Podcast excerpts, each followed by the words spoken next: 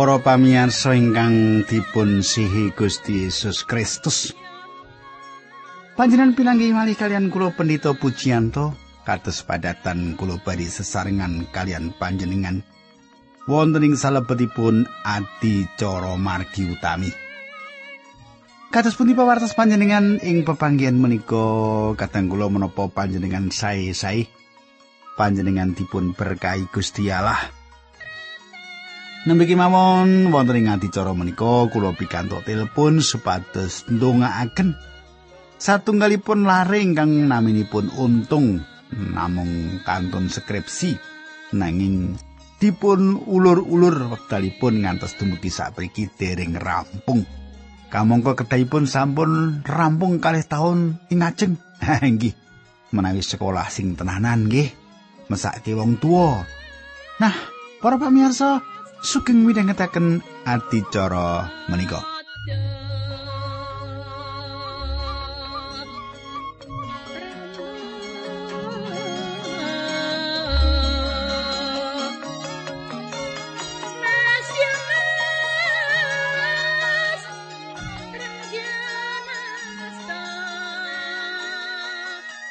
Para pamirsa menapa panjenengan tasih kemutan menapa ingkang kula aturaken tu nalika pepanggihan kepengker.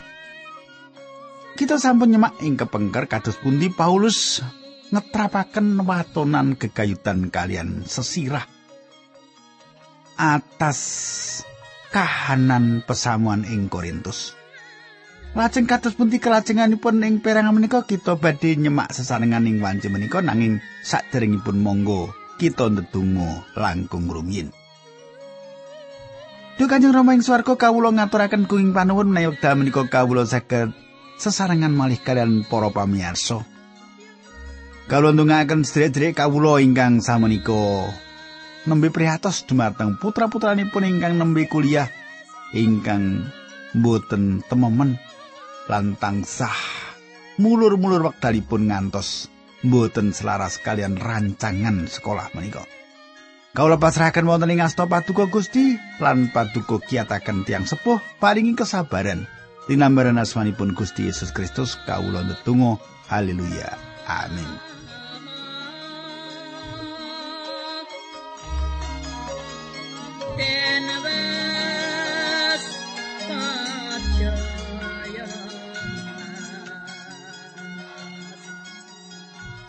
Para pamirsa samenika pasinon kita sampun mlebet ing kitab setunggal Korintus 11 ayat gangsal nggih.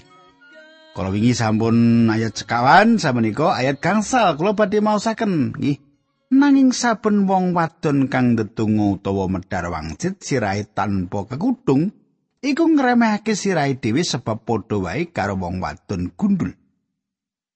Para pamirsa wonten gerakan kamardikan wanita ingkang dumados ing kitha Korintus sawetawis sahabat kepengker lan gerakan menika tujuanipun lepat. Paulus meratelaken bilih tiang jaler kedah mbikak sirahipun nanging tiang setri kedah ngudungi sirahipun. Kulo gadah kekajengan panjenengan ngatosaken bilih ayat menika mekaten ungelipun nanging saben wong wadon kang ndedonga utawa medhar wangsit. Ingkang leripun tiang setri ingkang ndedonga ing ngajengipun umum. Lan leripun tiang setri kala wau kenging ngomong wonten ing ngajengipun umum. Tiang-tiang ingkang ngotot pilih kitab suci meratelaken tiang setri mboten kenging nindakaken makaten babar pindah kelintu para pamirsa. Kan wonten gereja-gereja sing ngendikake wong wedok ora iso mulang gitu.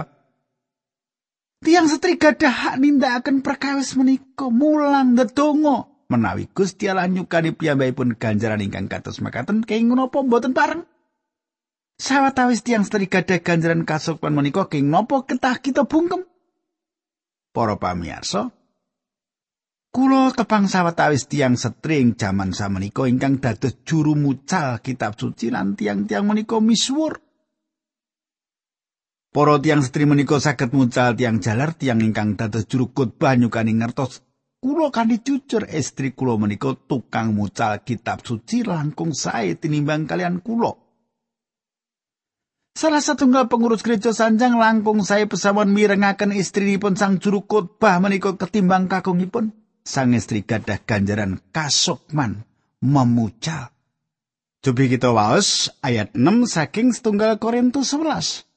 Sebab wong wadon menawa gelem kudungan iku aluwung cukuran pisan.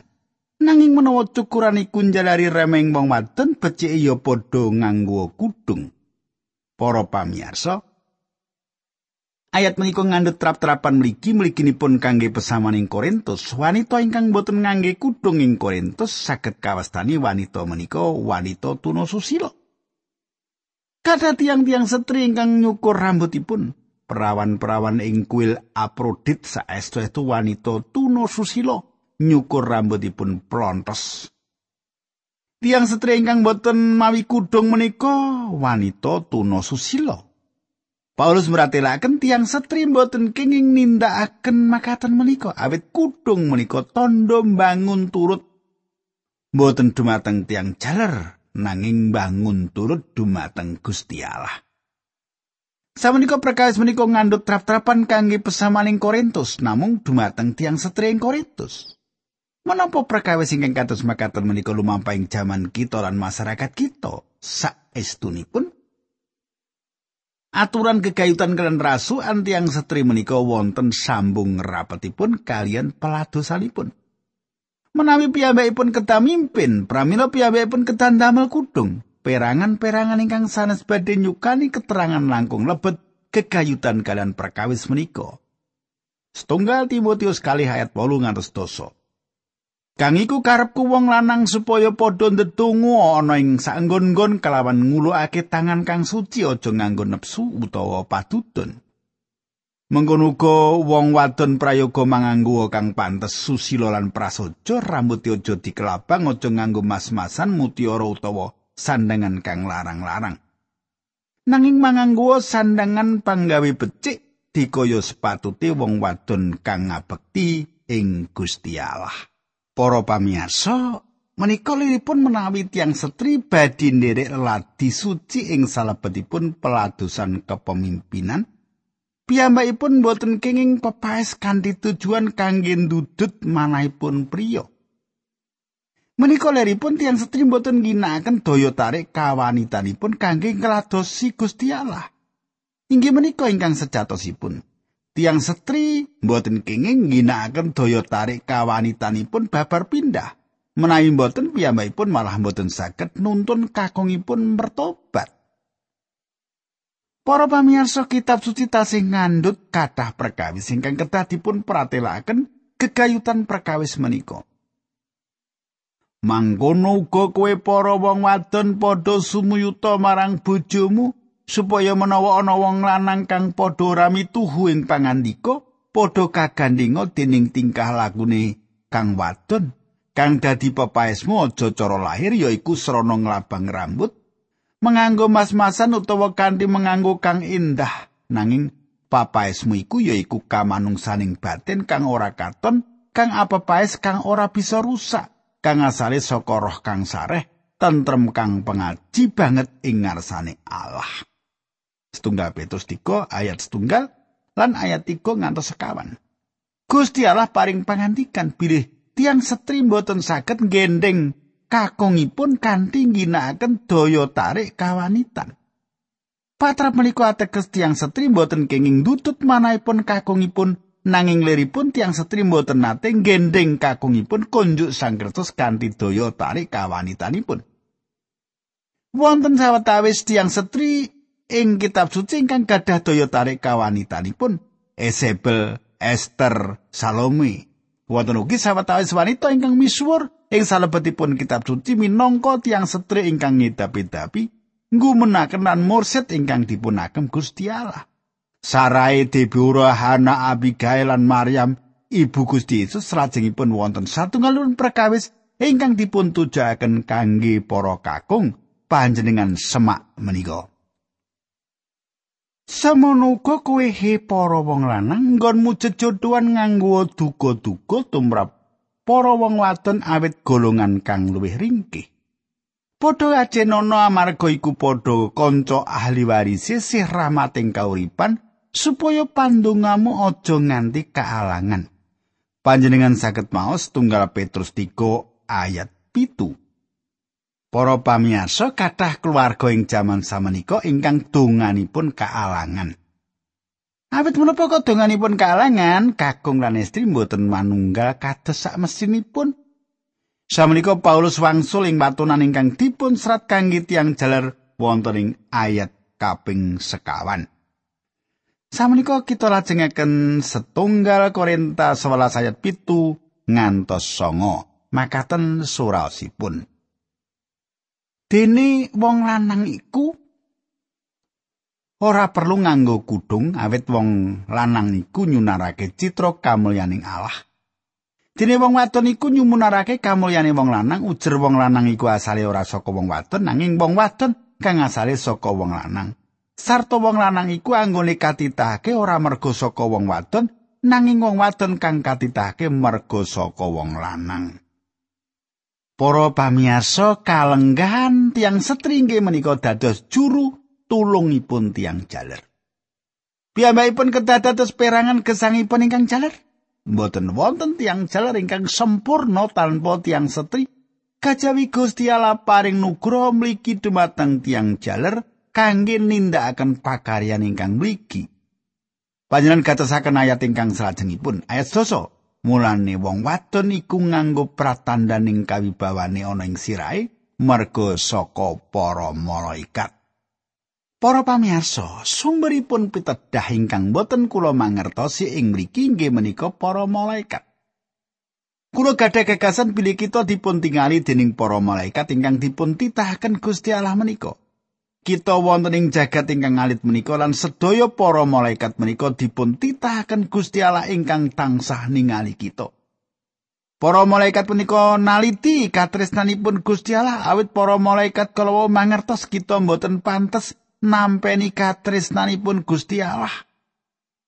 Para malaikat menika saged ugi gadah pikiran Gusti Allah saged kemawon bucal kita awit kita menika titah ingkang balilo ing salebetipun jagat ingkang dipun titahaken menika. Nanging panjenenganipun boten buta kita, panjenenganipun tresnani kita. Pratela gegayutan kan katresnanipun menika saged kita tingali ing sih rahmat ingkang mirujengaken kita. Para malaikat saged ugi raos eram atas sih rahmat lan kados pundi Gusti sabar atas manungsa ingkang asor menika. Para pamirsa kita lajengaken ayat 11. Ewa dene ana ing Gusti ora ana wong wadon tanpa wong lanang lan ora ana wong lanang tanpa wong wadon. Para pamirsa, kekiyatan tiang setri inggih menika nyangkuyung ingkang kakung awit piyambakipun menika tiang setri. Tiang jaler nyangkuyung tiang setri semaipun awit piyambakipun menika tiang jaler inggih menika tali bale somah ingkang dipun teguhaken dening Gusti Allah. Menawi paningset menika mboten wonten, tali menika mboten wonten, pramila patuladan Gusti Allah badhe mboten wonten ugi. Kita lajengaken ayat 12. Awit kaya dene anane wong wadon iku saka wong lanang, mengkono uga anane wong lanang iku lantaran wong wadon lan samubarang kabeh iku pinangkane saka Gusti Allah. Para pamirsa, panjenengan semak kekalipun boten saged dipun pisahaken. Sangket boten mlebet ing nalar menawi kakung utawi istri ngrembak perkawis kebebasan. Kakung betahaken ingkang setri lan ingkang setri betahaken ingkang kakung. Inggih menika kamardikan kebebasan sejatos ing salebetipun paningset ingkang agung. Kita lajengaken ayat 13. Padha timbang-timbangan dhewe-dhewe. Apa pantes wong wadon ndedonga marang Gusti Allah, sirahe kok ora kudungan? Para pamirsa. Tiang setri kedahipun nyandang ngangge sederhana kemawon. Iwedal piyambakipun medhar miwucal kangge Gusti utawi mucal ing salebetipun kelas Alkitab utawi ndedonga. Kersanipun nyandangipun sederhana kemawon. Mboten kenging wonten daya tarik ingkang nyaketi inggih hawa nepsu. Ugi perlu dipun imut-imut pilih daya tarik ingkang gigah hawa nepsu menika satunggalipun perkawis ingkang ngidapi-dapi ingkang saged dimawon nibakaken tiang jaler. Ayat 18 saka kodrate dhewe rak wis tetelo tumrap kowe yen asor mungguing wong lanang semongso rambuté dingu dawa para pamirsa panjenengan gatosaken wekdal Paulus tanglet saka kodrate dhewe rak wis tetelo tumrap kowe yen asor mungguing wong lanang dawa Kita gada contoh ing perjanjian lami, sumpah tiang Nasaret. Inggih menika kados pundi badhe masrahaken diri ngabdi dumateng Gusti Allah.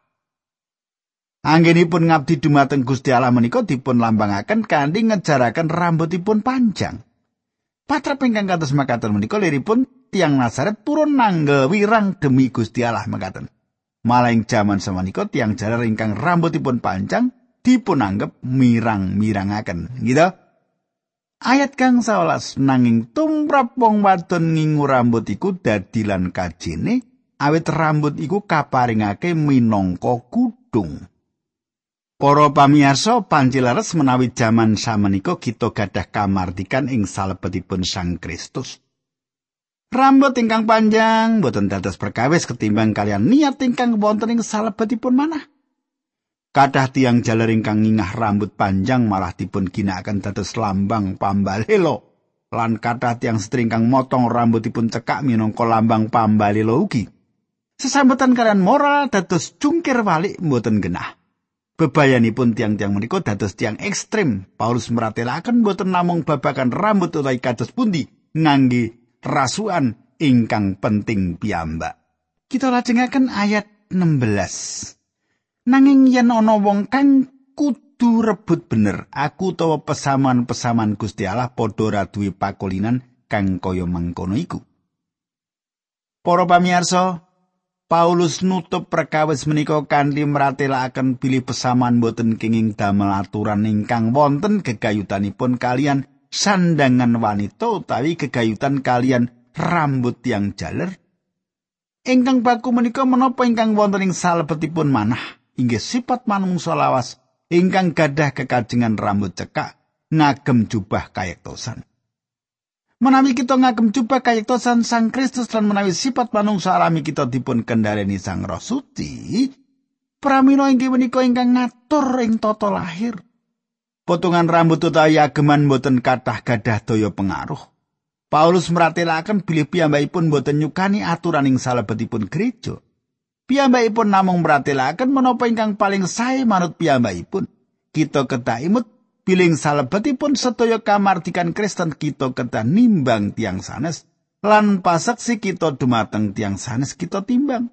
Kita kedah dipun tuntun dening watonan-watonan ingkang sampun dipun garisaken Paulus inggih menika mluhuraken Gusti Allah lan boten natoni perasaanipun tiang sanes. para pamirsa. Samenika kita majeng dhateng ira-iran inggal lan ketingalipun kita nilaraken salah setunggal ingkang ekstrem lan nglebeti ingkang ekstrem sanesipun saking rambut lan ageman dumateng bujana suci. Nggih. Saged ugi menika satunggalipun kegayutan ingkang suci piyambak ing sasambetan kita kalian Gusti Allah. Kulo yakin menawi bujana suci inggih menika satunggalipun perkawis ingkang gereja-gereja negesaken lepat. Akibatipun cara ningali makaten menika meh satunggalipun pitenah dening sawetawis tiyang. Paulus sing mriku badhe meratelaken bilih Gusti Allah menika mirsani kita saking kados pundi kita gadah tetinggalan gegayutan kalian bujono suci menika. Sayektosipun ing antawisipun tiang Korintus sawetawis wonten ingkang sakit lan pecah awit anggenipun gadah tetinggalan klintu gegayutan kalian bujono suci menika. Tiang-tiang menika mboten mangertos kanthi lebet menapa toleripun kegayutan kalian badanipun Sang Kristus. Ing salebetipun pikiran kula wonten pitakenan menapa kita saged ngatosaken kanthi saestu badanipun Sang Kristus ing jaman samenika. Saperangan ageng saking kita langkung ngatosaken cara utawa metode ingkang dipun ginakaken. Kita ngatosaken kanthi jlimet upacaranipun nanging menapa kita saestu gadah kawigatosan ingkang lebet badanipun Sang Kristus ing salebetipun bujana suci menika. Para pamiyasa ingkang dipun tresnani Gusti bujana suci inggih menika pratela ingkang luhur saking lepeting manah tiang pitados lan satunggalipun latihan ingkang suci piyambak ing salebetipun pangibadah Kristen. Ing salebetipun pesamaning Korintus bujana suci ingkang dipun tindakaken pasaman Korintus sampun ing patrap ingkang asor. Ngantos dumugi patrap ingkang asor. Malah saking menapa ingkang dipun tindakaken andadosaken jejember. Tiga saking sekawan Injil nyerat kegayutan kalian bujana suci lan perkawis menika dipun wangsuli wonten ing serat kintunan menika. Para pamirsa, Paulus mestani pilih bujana suci menika satunggalipun bab ingkang penting piyambak, sangat penting. Ing ayat 23 Paulus maratelakaken sebab apa kang ndak tampa saka Gusti iku ya wis ndak luntakake marang kowe yaiku yen Gusti Yesus sing wayah bengi nalikane panjenengane ndungkap kaulungake mendet roti. Setunggal Korintus kang 11 ayat 3. Paulus nampeni wahyu langsung kekayutan Injil lan wahyu kekayutan kalian bujana suci. Gusti paring dawa mligi kekayutan kalian perkawis menika imut. Pilih Paulus mboten wonten ing ruang inggil ing wekdal bujana suci.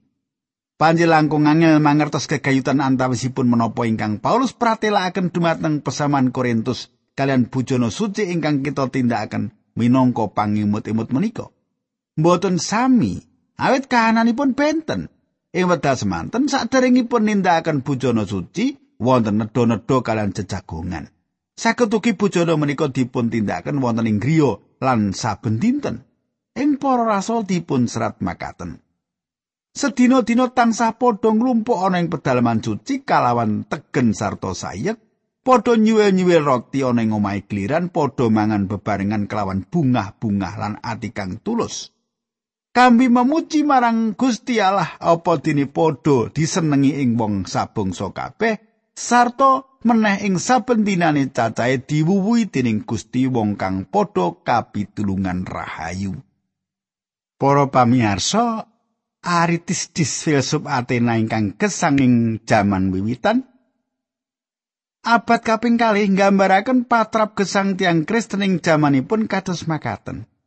Saben esuk lan saben jam kanggo ngiling-iling kaapiane Gusti Allah marang wong iku, wong-wong iku ngluhurake lan muji panjenengani.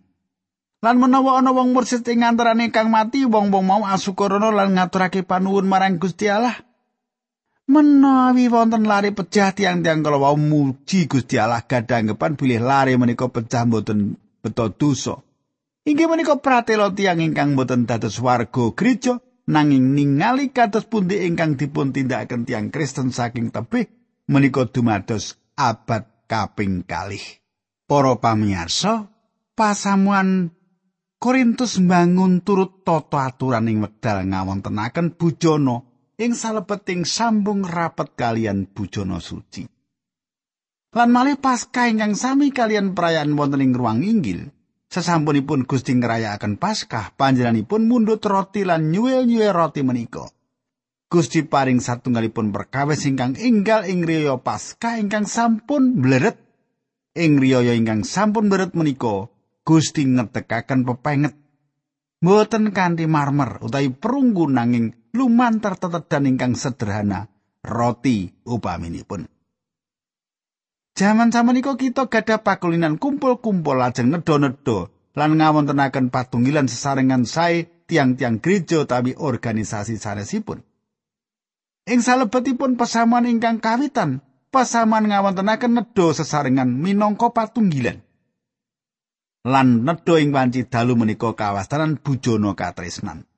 Patrap menika satunggalipun perangan patunggilan gereja. Ing jaman menika kempal nedha-nedha lajeng bujana suci.